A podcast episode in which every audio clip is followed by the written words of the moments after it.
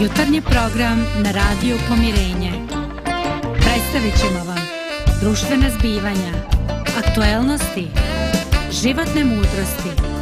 Uključit ćemo i goste koji će govoriti o različitim aspektima života. Sve ćemo bogatiti dobrom muzikom. Sve to samo za vas. Jutarnji program.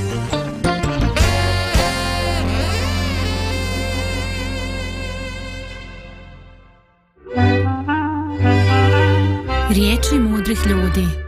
Svjetlo i radost na našem putu. Pozdrav za sve eh, gledalce, slušalce Radija Pomirenje. Evo tu je naš eh, vođa Zdravko. Zdravko, pozdravljam te. Pozdrav. Čujemo te. Pozdravljamo ja te. vas čujem. Ja vas čujem. Da, i mi te. Da li vi mene čujete? Da, da, čujemo te i vidimo te. Lijepo, onda možemo da počnemo današnju emisiju. Obično emisiju počinjemo sa dobar dan, ali čini mi se na trenutak da to nije e, primjereno za trenutak u kojem jesmo. E, mislim da će za ovaj put biti sasvim dovoljno pozdrav za sve. E, jednostavno mislim da nema osobe koja e, prati ovaj dešavanja koja su oko nas, a koja na neki način nije šokirana ovim tragičnim dešavanjima a, u Beogradu i zbog pogibije nekoliko osoba među kojima su većina djeca. Ovaj, ja pozdravljajući gledalce i vidim da se a, obe koleginice, dakle Dragana ovaj, i Lidija nalaze u studiju nadam se da ćemo imati e, dovoljno prisebnosti i snage i pored ganutosti da popričamo ne samo o problemima nego da pokušamo ponuditi neku alternativu i neka rješenja. Pošto se serijal e, je e, pod imenom riječi mudrih ljudi, a to pretpostavlja da osim nas troje moramo naći još nekoga, ovaj, e, pročitao bi vam jedan e, kratki citat od Dostojevskog koji me ovako e, baš mi se baš me je dirnuo i na neki način mi je aktualan uz situaciju u kojoj živimo.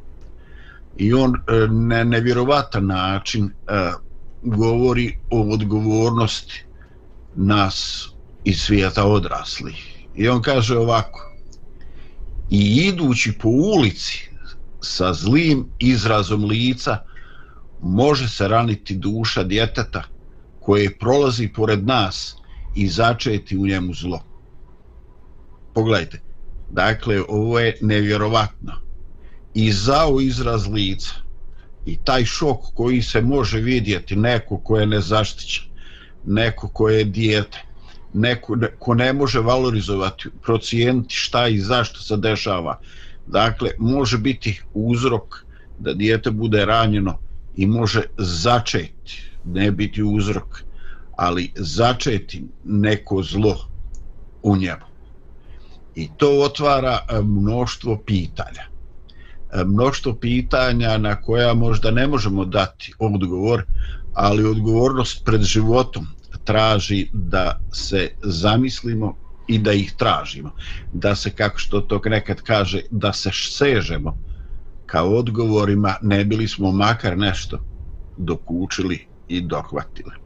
Eto, e, pretpostavljam da ste i vi puni e, utisaka i ovaj uh, možda ovo trenutak da ih onako makar one uvodne izrazite dok dalje budemo razvijali našu temu, doći će dakle moment i za sasvim konkretna pitanja i nedobice. Um, da, pa evo uključit ćemo se i, i Dragan i ja uh, i u emisiju i u diskusiju. Uh, verovatno i gledaoci gledalci i slušalci primjećuju da danas ne funkcioniše sve kako treba. Inače, um, sinoć sam, nisam vremenski stigla da, da pogledam uh, dnevnik da začujem e, kako to javnost u Srbiji e, komentariše to što se dogodilo, ali mi je bilo jako stalo da to čujem, pa sam onda jutro s čim sam ustala, to je prvo što sam uradila, obično to ne radim prvo ujutro, inače kod nas se televizori ne pali do uveče, ali um, htela sam da čujem i da vidim reakciji Prvo što sam primetila jeste da voditeljica koja je vodila dnevnik sinoć, ni ona nije bila a, u potpunosti prisebna.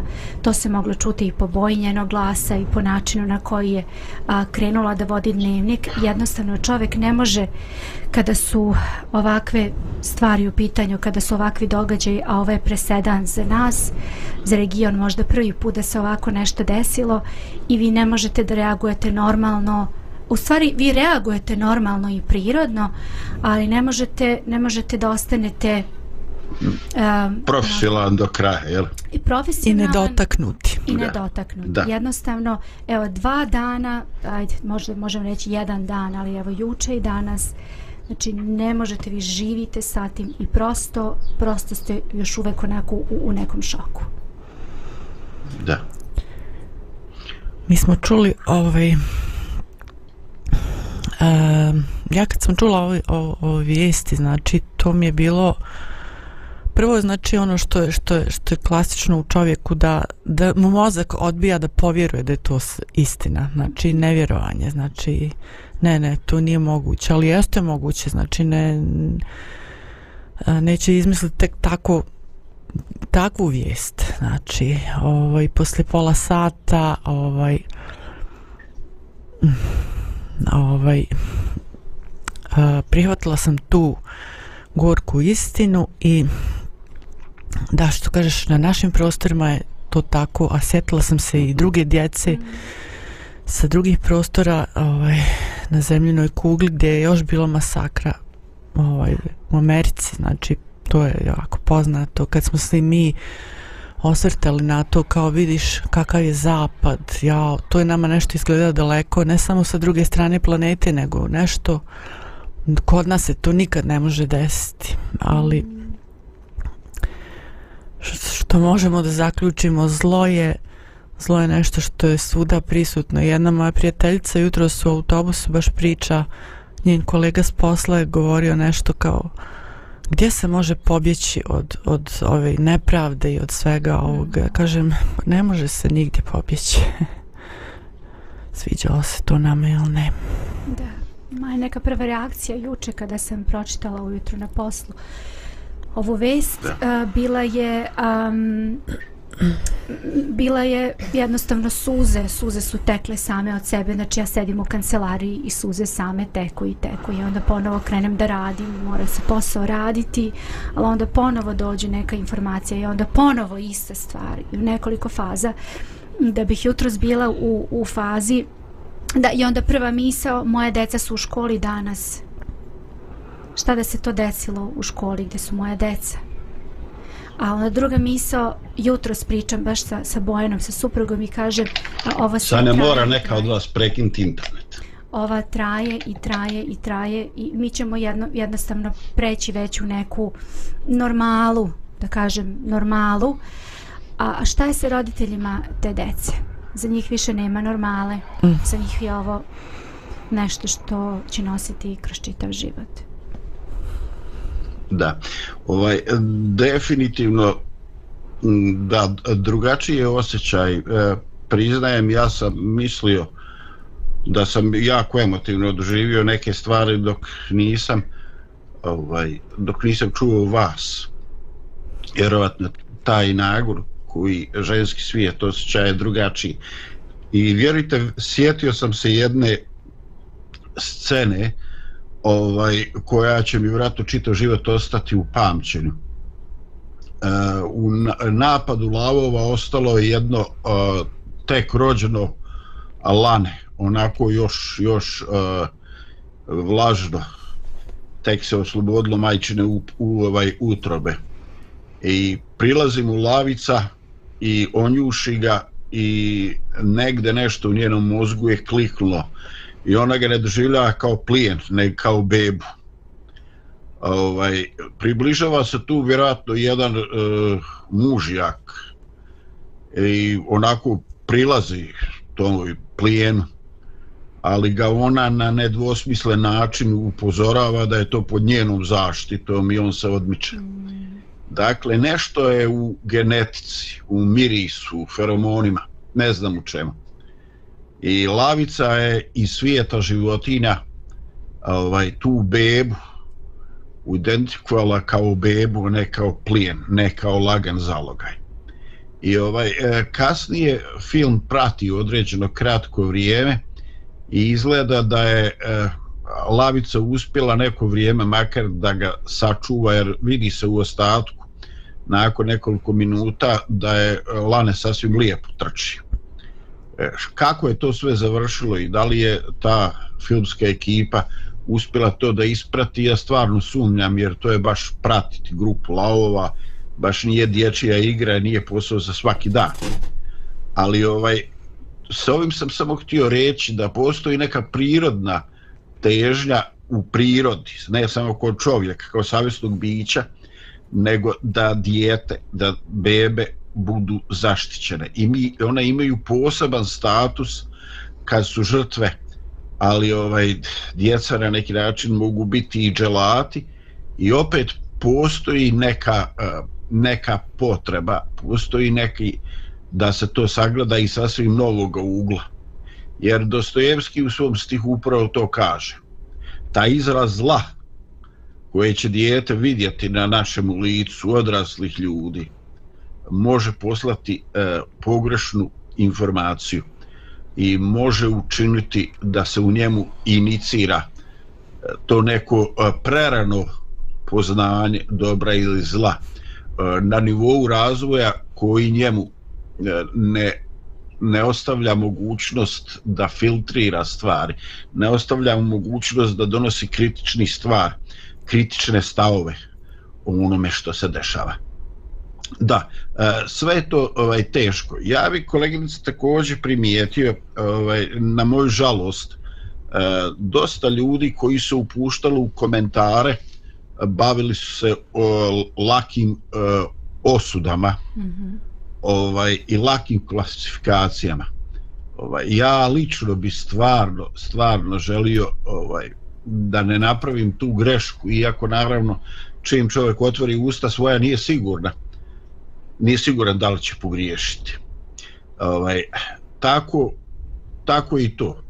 E, postojanje djece i svijest da je njihove duše i njihovi umovi su u razvoju stavlja dakle ogromnu odgovornost za svijet odraslih e, šta od informacija im trpamo u glavu šta od informacija nekritički stavljamo da oni apsorbuju u trenutku kad nisu u stanju da da ovaj prave izbor da filtriraju da vrše određenu autocenzuru dakle jedno mislim oko čega ćemo se složiti postoji odgovornost svijeta odraslih za našu mladunčad, za djecu.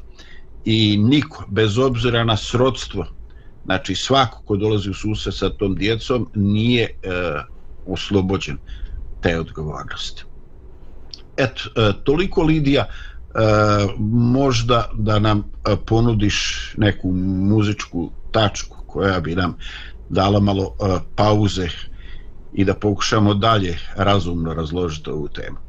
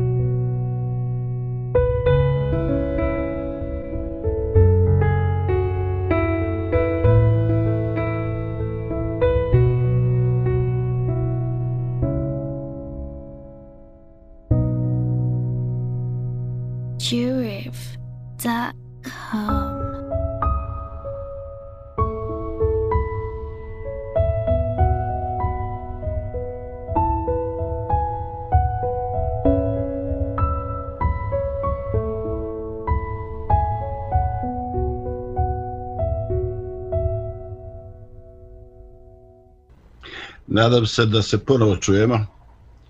Da, da, tu smo. Ovaj, moram podijeliti sa vama, uh, mislim da sam ovako baš imao sreće u životu. Dolazak u moj grad u kojem živim, uh, imali smo troje djece u kući. I ovaj, sreća je bila u tome što smo nekom igrom proviđenja ili šta god daje, upoznali jednog e, dječjeg ljekara koji nam je postao i kasnije kućni prijatelj, izuzetan ljekar, izuzetan čovjek, doktor Pavlović, mi ga ovdje tako zovemo, čovjek je sad u penziji. Ovaj, i on je uvijek bio tu kad je nekom od djece nešto trebalo. Ali razlog zašto ga danas spominjem jeste uh, njegov opis djetinstva, kakvog se on sjeća on kaže oni su negde u Slavoniji išli da čuvaju uh, stoku. Ovaj i ponijeli bi u nekoj uh, kutici od šibice uh, malo soli ponijeli bi šibicu parče najlona neki ljeskov štap i dok bi stoka pasla oni bi u obližnjem potoku pecali ribu. Kad bi uhvatili nekoliko komada oni bi to očistili zapalili vatricu, ispekli, pojeli i ovaj, e, ka, ovaj imali su za motuljku malo hljeba i sira što su roditelji spremili i on kaže mi ja sam e, kasnije mislio da je to bio period siromašnog djetinstva ali kaže ja svatam da smo mi tad e, u stvari trošili jako zdravu hranu i živjeli u jako zdravim okolnostima.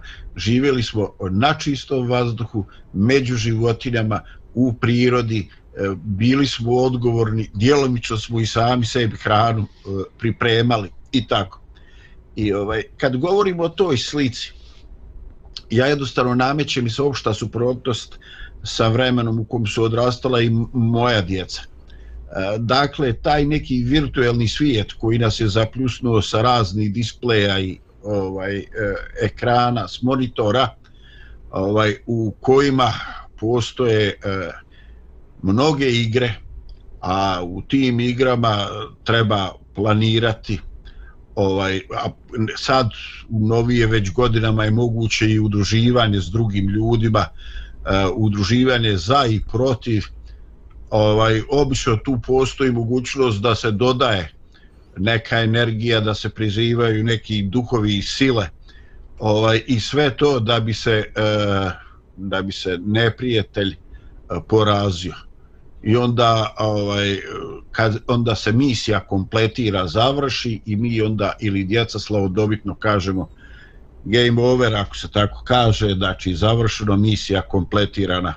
Idemo na sljedeći lever na sljedeći ovaj ono. i jednostavno da li je taj eh, ta misija eh, eliminacija nekih botova ili ludač koji eh, trci treba proći kroz grad u sve izazove razlika je samo u tome što u igrici kad se slupamo i kad nas pogodi rafal mi možemo pokrenuti igru iznova. A u životu je game over jedan za uvijek Dakle, u životu, kad napravimo katastrofalnu grešku, postoje stvari koje se ne mogu restartovati. Ne može se kao na računaru pricniti dugme reset i iznova krenuti. Dakle, e, ne za vaš, vaš e, doživljaj, ali ovaj e, moj je definitivno da je svijet u kojem žive djeca današnjice, da je on teži izazovniji i problematičniji sa više tih nekih potencijalnih zamki nego vrijeme u kome sam ja bilo dijete ili još više naši očevi. ne znam e, kako vi, evo Lidija, ti šalješ djecu u školu. Ovaj, e, kako ti porediš ovo vrijeme u kojima se ti majka i ono vrijeme u koji su tvoji roditelji brinuli o tebi? Pa, vremena se definitivno menjaju. A, I to, to prihvatamo kao činjenicu. Mi smo i kroz uh, emisiju a, govorili a, često o, o ovoj temi govorili smo koliko koliko današnje vremena nisu slične onim vremenima u kojima smo mi odrasta, odrastali pa eto ti zdravko po godinama ovaj, si mi otac e, više pamtiš a? da možda više pamtiš pa tvoji roditelji tako ono što hoću da kažem jeste da da vrijeme u kome odrastamo je tako kako jeste i mi ga ne možemo menjati ali ono što definitivno ostaje kao činjenica jeste da, da vrijeme u, koje živ, u kome žive naša deca danas nosi sa sobom a, nešto sa čime se mi nismo suočavali.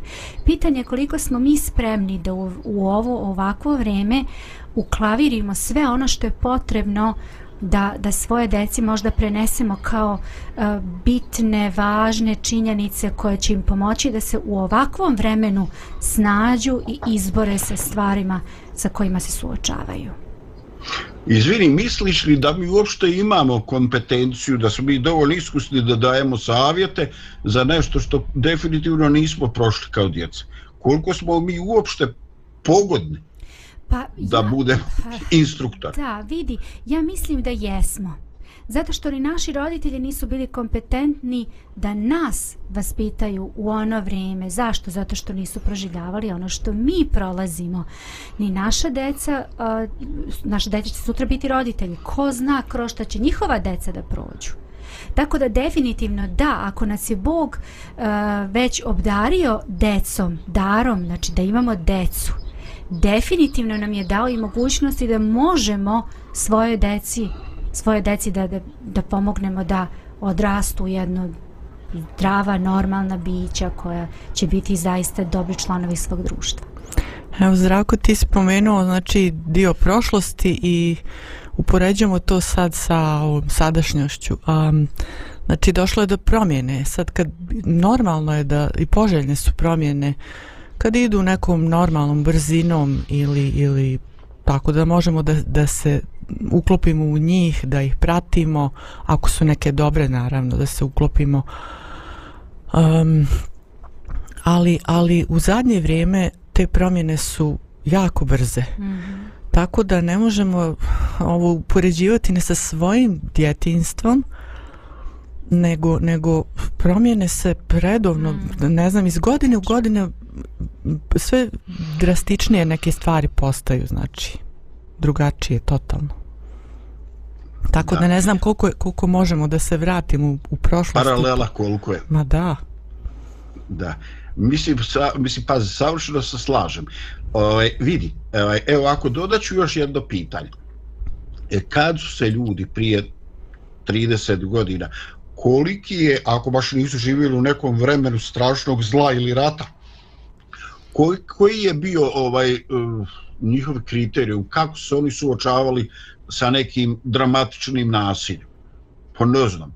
Ovaj, možda kad bi ovaj djed ili otac u kuć nešto podviknuo, ali ja nisam siguran da sam ja to doživljavao kao nasilje, jednostavno moje glavi morao se znati ko je alfa i ko je yes, glavni u kući yes, yes. i nešto nije krenulo kako treba i on digao glas da ne bi povukao neke druge žešće mjere sad šta, ovaj, čače ili djed galam i ono, šta, nema tu šta dramatično. Čutiš, ono, mm -hmm. uradiš kako treba i idemo dalje, je tako? Ovaj, e, ja danas razmišljam da sam ja bio imao sretno djetinstvo. Znate šta su bili traumatični ovaj događaj u, u boje vrijeme? Ovaj, e, kaže e, čeri ili snaho, nešto me ovaj mali puno e, trči, znoji se, kaže, nešto mi je ublijedio aj kaže da posjećamo pijetla kada da mu skuvamo malo supce. I onda ovaj neko od njih ude i nosi pijetla na, na, tamo na kladu. I onda je to dramatični doživljaj ono osjekuše pijetlu glavu men rad supce ili ovako u ovome dijelu krajine onako ono decembar decembar tamo kraj decembra kad su te svinjokolji kao kad nešto ovaj dere se ovaj, dere se svinče iz komšijskog dvorišta, sačuvaj Bože, to su bile najdramatičnije scene u mom nekom djetinjstvu Ovaj, ali pogledajte, dakle, danas je nasilje neuporedivo e, pristupačnije. I eto, ja ne znam kako vi mislite i kako je to zvanično, ali čak i te emisije koje imaju određene uh, zaštite, one klauzule, znači nije za djecu mlađu od 12 godina, ja stvarno ne znam koja je razlika između 12 i 14 godina, ovaj, ili šta znam, ranije je bilo onog standardno 18 plus ili šta znam, mm. ovaj, danas je to danas smo mnogo više izloženi ovaj nasilju i ne samo nasilje u nekom pokušaju umjetničkog izraza nego recimo YouTube je pun nekih praktičnih savjeta ovaj uh, uh, kako, se kako potrebiti oružje, da. kako napraviti priručnu bombu, ono Aj, kako to, napraviti vjetnamsku ovaj klopku, ovaj da propadne, da se nabode na kolčeve, ovaj kako raditi te trap ili kako se već zovu. Znači, prepuno je savjeta kako, kako napraviti molotovljev koktel, ono, baciti, zapaliti tank ili komšin auto.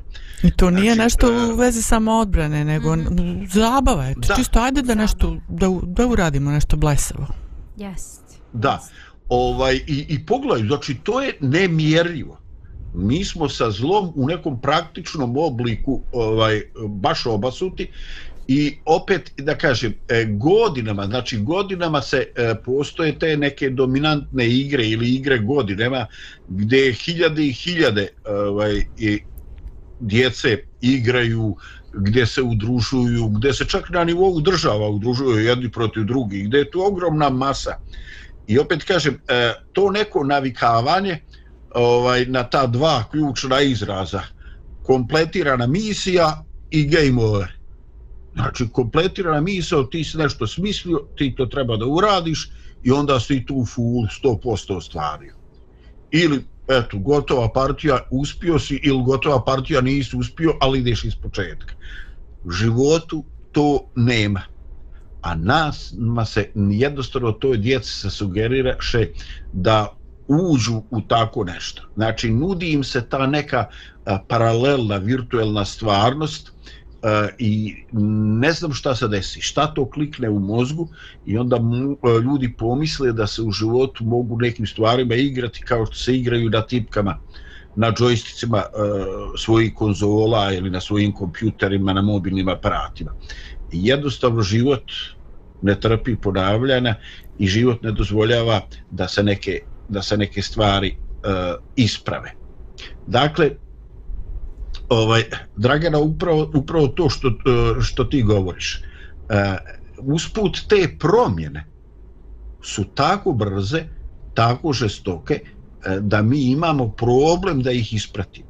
Mi jednostavno, uglavnom većina roditelja, ne znam da li vi se slažete, ima ogroman problem da isprati šta je trenutno tendencije i šta je trenutno Jeste, aktuelno pa da, da. u svijetu vršnjaka Evo, Dragana je to jako dobro rekla ovaj, toliko to brzo ja, ja kažem da svako vrijeme ima svoje ali ovo vrijeme toliko brzo donosi neke promene, promene da je to baš nevjerovatno A, i, I ono što, ako, ako dozvoliš, Zdravko, ja, ja bih samo spomenula da, nešto naravno. što osjećam nekako da, da trebam reći sad u ovom trenutku. Možda nije bitno sad, ali dok, dogovorimo u ovoj emisiji o ovoj temi ja pratim e, šta se dešava i slušam različite ljude, različite komentare i onda ono što, što zapažem jeste da mi, evo, čini mi se da možda i mi to radimo u emisiji sada, pokušavamo, jer pitanje koje nam se nameće jeste zašto?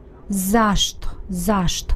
I onda kroz priču, kroz razgovor pokušavamo da, pokušavamo da nađemo šta je izvor, šta je to što, što je dovelo do toga da, do, da ovaj, i onda kažemo, ma kriva je škola, ona nema dovoljno dobru zaštitu, krivi su roditelji koji nisu uradili svoj posao kako treba, e, sa detetom nešto nije u redu i tako, različiti su komentari.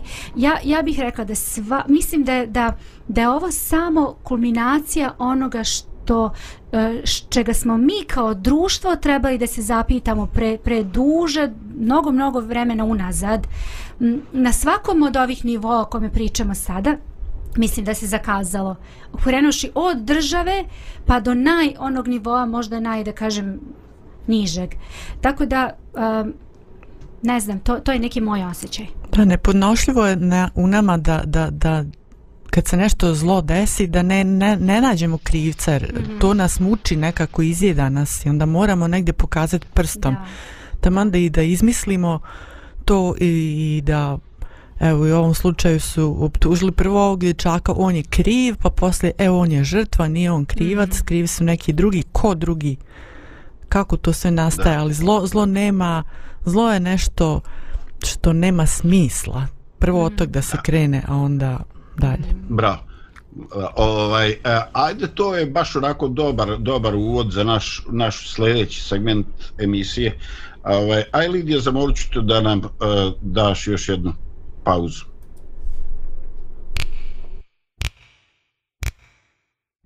Radio, radio, radio,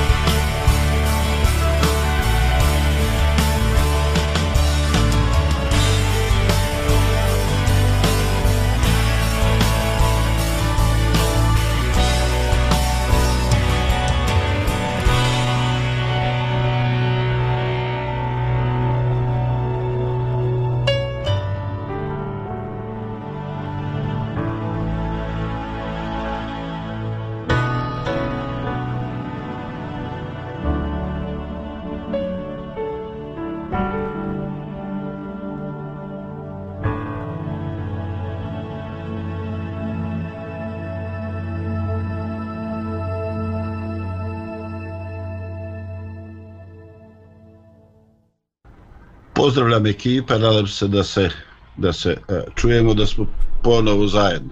Da, da, tu smo. Mhm. Ovaj, vidite, razmišljam sve vrijeme i za vrijeme ovih e, muzičkih e, pauza koja si ti, Lidija, onako baš znalački odabrala ovaj, i razmišljam o aktuelnostima, o vijestima koje kontinuitetu primamo ovaj, u zadnjih mjeseci. Ono što bi primijetio, znači postoji e, već više godine, mi smo svedoci da takve vijesti o masovnim ubistvima dolaze s nekog drugoga kraja svijeta. I obično govorimo o ljudima koji su na određen način bili e, žrtve nasilja sistemskog, neriješenoga, koji nisu vidjeli nikakvu nadu i onda su krenuli, posegli sa nečim što je krajnje iracionalno. E, znači krenuli su u razračunavanje znajući da će to vjerojatno biti kobno i zadnja njihova akcija kojim žele skrenuti pažnju na sebe. Ono, je, ono što je drastično ovaj što bi čovjek postavio pitanje šta se to desi umu nekoga mladoga bića, pogotovo djeteta koje je maloljetno e, da bi krenulo u tako nešto. E, koliko vremena to nastaje, kako se to e, formira da li je bilo znakovo upozorenja, ako je neko vidio, da li je sistemski to tako podešeno da se može reagovati, ko je zadužen, e, ko je taj koji treba da digne ovaj uzbun. Mm. Također svjedoci smo e, da u zadnje vrijeme i na našim prostorima postoji nasilje nad prosvetnim radnicima. Mm -hmm. Dakle, u ime svete krave ljudskih prava, E, mi smo bili svjedoci, gledali smo ovaj, e, da su učenici matletirali nastavnicu, da su izbicali stolicu, ne znam, čini mi se udarali čvegere, a da je neko to drugo sve snimao i dokumento, vjerovato da je imao ovako udarni top snimak za TikTok ili za nešto, nešto drugo. Ovaj, eh, ne znam, ali čini mi se da se eh, spremnost na toleranciju nasilja ovaj u našem društvu da se u vijeku u kojem živimo jednostavno povećava i da smo mi nažalost sve spremniji da to prihvatimo u krug onoga onoga što se što se čini e, kao normalno neću reći prihvatljivo ali nešto što nalazi neki način da egzistira bez sankcija i da bude e, zaustavljeno. Šta će i kako će to rezultovati i koji povod će biti razlog za koju akciju izlazi van okruga onoga što čemu mi nas troje možemo danas možda i naš slušalac većina da raspravlja. Ali jedno je sigurno većina ljudi će se složiti ljudi vragi odne u šalu ovo više nije naivno. Ovaj, najgore od svemu da ispraćaš djecu jedan dan u školu nakon mm. da dva da ih ispravljaš na grob. Mm. Drugo, ovaj, bit čuvar u školi. Evo, ovaj izvještaj govori da je jedan mladi čovjek koji je tu možda da spriječi e, tuč među adolescentima izgubio glavu također. Dakle, nije se on ovaj e, prijavio da bude osigurane na nekoj bespravnoj borbi pasa ili obračunu žestokim ovaka pa eto, momak ti isprihvatio rizik, ti znaš u kako društvo ideš. On čoveč je bio osiguranje u školi i šta? Izgubio glavu. Znači, još jedna porodica je da je uništena, devastirana, ostala bez hrantelja porodica. Ispade da je i to posao, posao velikog rizika. Ali, e, e, ne znam, nešto, nešto se dešava, e, svijet se mijenja i, i odjedan put pod krinkom onoga što zovemo poštivanje ljudskih prava i ljudskih prava pojedinaca mi dolazimo u situaciju koje su jako e, neodržive. Dakle, ajde da pretvorim to u pitanje. Koliko je predmetno, koliko ima smisla pričati o pravima, pravima svih, uključujući maloljetnike, e, u mjeri ako to nije povezano i sa njihovom sposobnošću da preuzmu i odgovornosti i obaveze koliko ta priča o pravima bez obaveze i bez svijesti da i e, bez spremnosti da se prihvate i obaveze, koliko ta priča uopšte pije vodu, koliko je to po vama funkcionalno u životu. To me, to me podsjetilo na onog jednog e, kralja koji je postavljen kao kralj kad je bio dijete. I zamisli da postaviš da bude neko m, kralj ili ne znam predsjednik države kad mu bude pet godina. I očekuju od njega, on sarađuje sa odraslim osobama, ne znam, sa svojim advokatima i ne znam, nija mm, sekretarima, bilo kim. I oni njemu donose zakone i on odlučuje šta će se objaviti, šta će biti prihvaćeno, šta neće, zavisi kako je on e, raspoložen, to dijete od pet godina ili, ili bilo šta, znači ha, ono, ono može, mi od svakog djeteta možemo da, da napravimo svog princa ili kralja kao što neki možda roditelji nažalost rade e, dajući im neograničenu slobodu ali e, mislim to dijete ne zna kako je sa 40 ili 80 godina imati neku odgovornost ali ono sa svojih nekoliko godina 5 ili 10 može da shvati nešto ipak znači da iz, iz te perspektive tog malog djeteta kako je imati neke odgovornosti i mo, ima slobodu i da to poštuje, znači. Da, pa gde ima slobode, tu ima i um, rizika. rizika svakako, da. da. Ali hoću da kažem Bravo. drugo. Da, ima, ima um, moramo onda mnogo više da, da, da poštujemo i neka pravila Znači, sa više slobode imaš više moguć, mogućnosti da da se iskažeš u, u poštovanju tih nekih novih mm, pravila mm -hmm. koje postoje. To, to je bila suština, mm -hmm. ne mogu da nađem izraz. Zato što sam da kažem, a ja to često spominjem svoje deci, Mislim da je to jako bitno. Uh, gde, šta, šta se dešava? Znači, uh, s jedne strane, uh, da, uh, deca i, i svi ljudi generalno danas traže svoja prava. Pa ne znam uskraćeno mi je ovo pravo pa mi je uskraćeno ono pravo pa ne znam ova grupa traži neko pravo pa deca eto došli smo do dece. Deca traže svoja prava. Da neke grupe ljudi i, i u, u nekim aspektima da dečja prava jesu recimo ako roditelj tuče svoje dete ne daje im dovoljno da mogu da imaju hleba i tako. Znači to su već neke stvari koje stvarno su za, za, za tražiti pravo. A s druge strane pa čekajte ljudi a gde su odgovornosti? Odgovornosti nema mm. nigde tu je popušteno znači ne tu se napravio propust, znači gde je odgovornost od strane tog istog deteta, gde je odgovornost od strane roditelja, gde je odgovornost od strane nekog drugog koji je odgovoran za taj neki segment i delokrug njegovog posla i rada. Ako se ja osjećam, ne znam, zapostavljenom, ja mogu tražiti pravo da ne budem toliko, znači, zapostavljena mm -hmm. i to je sasvim u redu. Znači, da. i to tako treba, znači, da se ispoštuju, da se ispoštuje čovjek kao takav ali ako ja tražim pravo da ja budem iznad ostalih ili iznad većine ostalih, ono, ja imam najveća prava, e onda ja pretjerujem u tome. Mm -hmm.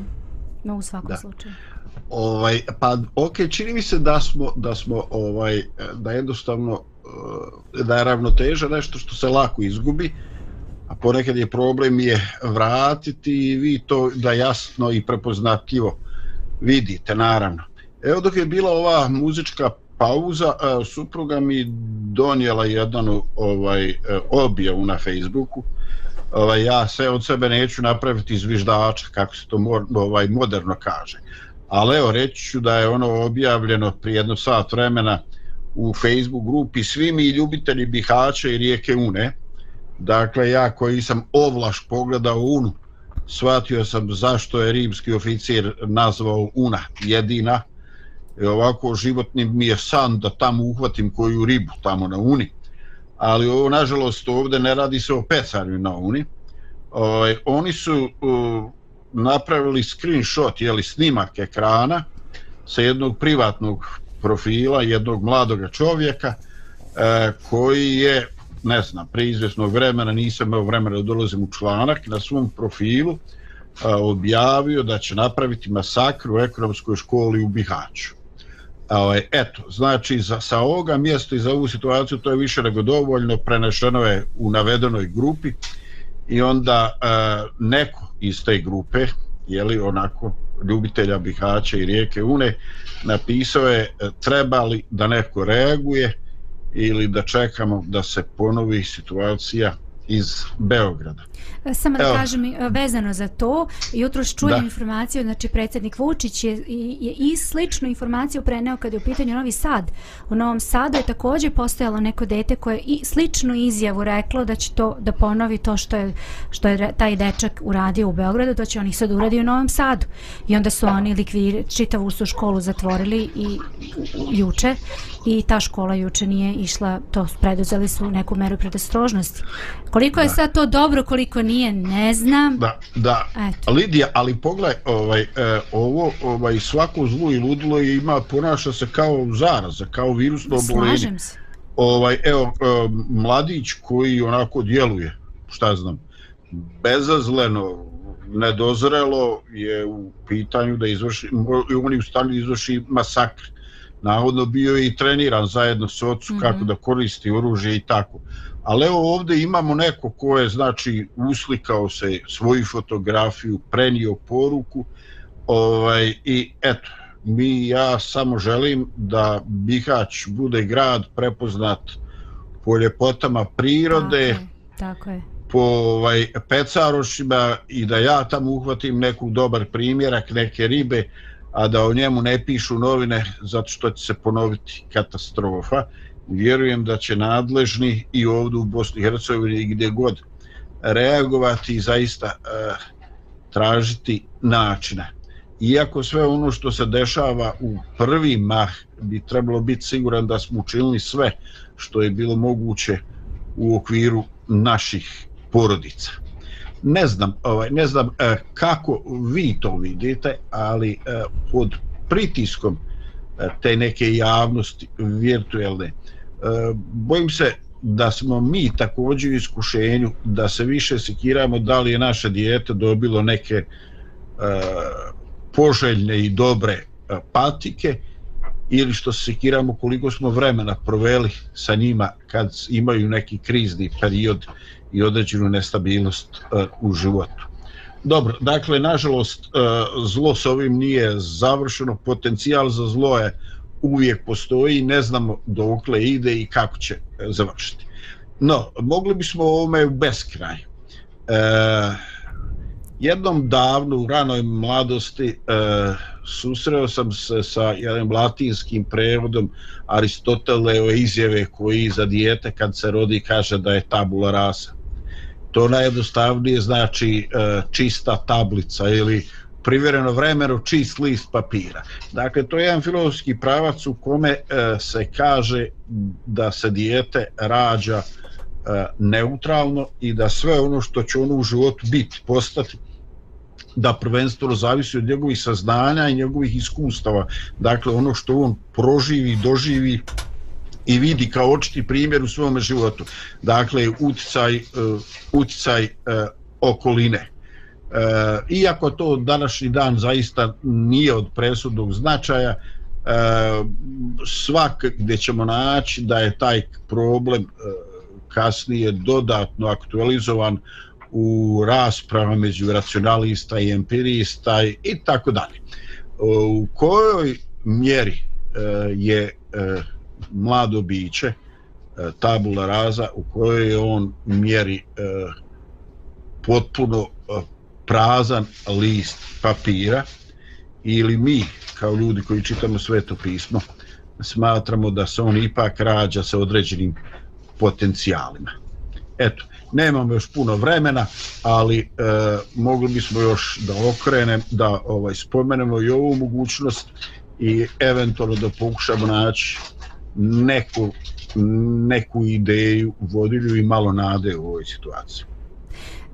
Da, evo ja e, mislim da je jako dobro da sa ovim možda i za, zaokružimo i završimo emisiju, a to je da um, dete, dete je, zavisi na kome postaviš pitanje, znači da li je dete tabula raza, tako će ti psiholog reći na jedan način, teolog na drugi način, um, različiti e, ljudi na različiti načine će to um, interpretirati i objasniti. Ono što ja smatram jeste da nas je Bog stvorio sa određenim potencijalom, to je mogućnosti da budemo um, nešto mnogo više od onoga uh, š, od pukog nekog preživljavanja i, i eto, životarenja na ovoj zemlji.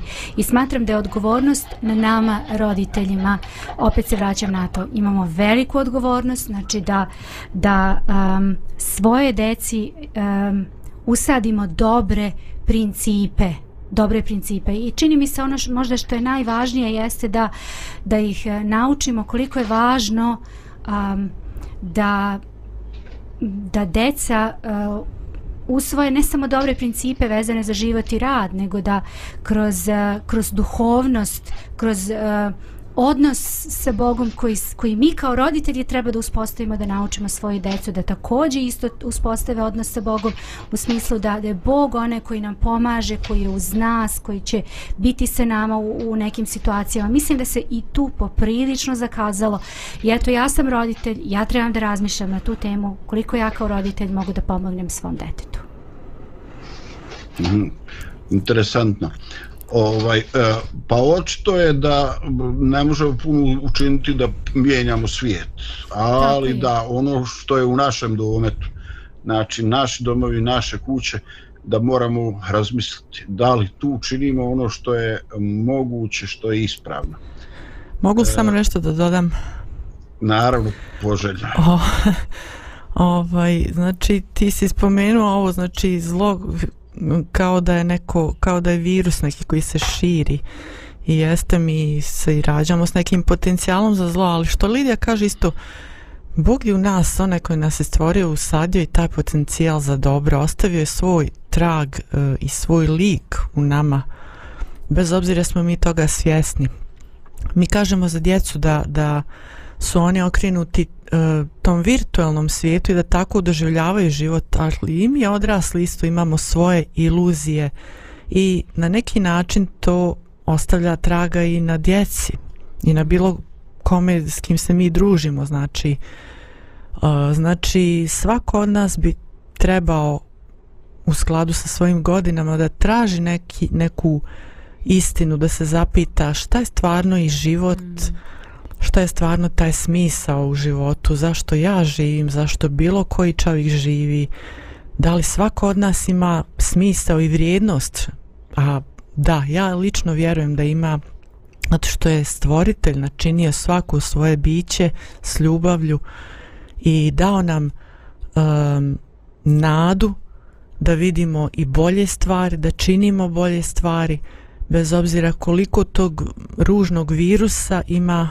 u nama i oko nama i oko nas ali da se borimo mm -hmm. i to ne sami nego da se on bori kroz nas jer on je ipak jači od svega on je jači od zla Tako je. i to je ta u stvari nada Ovaj, hvala mi što mi život činite jednostavniji, pa i ovu emisiju. Ovaj, dakle, e, definitivno mi imamo potencijal za oboje. Potencijal za dobro i potencijal, nažalost, za zlo. Definitivno nešto će od toga preovladati kod nas i kod djece naše. E, ja bi, e, ne bi da ovo što ste e, vas dvije govorile zaista dodavao. Razmišljam samo o onoj grupi ljudi različiti religiozne i tradicija e, koje kažu eto činim što je u mojoj moći učim djecu da poštuju praznike, da klanjaju namaze, da poste vaskršnji post i tako zeli, zavisno od tradicije da se pridržavaju tih vanjskih obilježja koja u svakoj od tih tradicija imaju svoj puni smisao i koji ne želim ni na koji način učiniti manje vrijedni. Ali htio bi nešto drugo dodati. Važnije od vanjskog očitovanja religije i učenja, eto, tako se to radi u našoj kući, je ono što će oni vidjeti na našim licima svaki trenutak u kome mi dozvolimo da bijes, ljutina, ne dao Bog mržnja, bazija naša srca, ostavit će tragove u njihovoj psiki, vidjet će oni to na našem licu, možda i prepsivati to kao formu ponašanja i djelovanja. Dakle, e, kaže, e, sine, pazi kud ideš. Kaže, tata, pazi ti kud ideš. Ja stajem u tvoje stope. Mm. Dakle, majke, očevi, komšije, tetke, strine, svi vi koji ste na neki način uzori. Nemojte se toliko brinuti kud oni idu. Gledajte kud vi idete, jer često će oni pratiti vaše stope. Eto, želio bih prevesti ovu emisiju kraju sa željom za vaše i svoje porodice.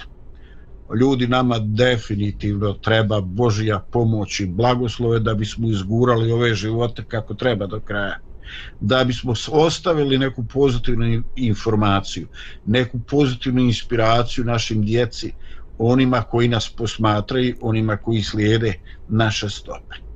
Mi kroz sve to imamo i sobstorane iskustva, imamo sobstvenu grešnost i samim tim taj posao je zbog toga teži. I zato kažem kao i obično, tako nam Bog pomogao jer zaista ta nam je pomoć potrebna. Lidi i Dragani, hvala na izvrsnoj pomoći u ovoj emisiji, u ovome vremenu koje je, priznam, više me angažovalo i više ovaj, na neki način opteretilo nego obično. Bog da nam pomogne da zaista ove živote proživimo kako treba. Sa ovim se odjavljujemo danas i želimo da i nadalje budete s programom Radio Pomirenja. Lijep pozdrav za sve. Thank you.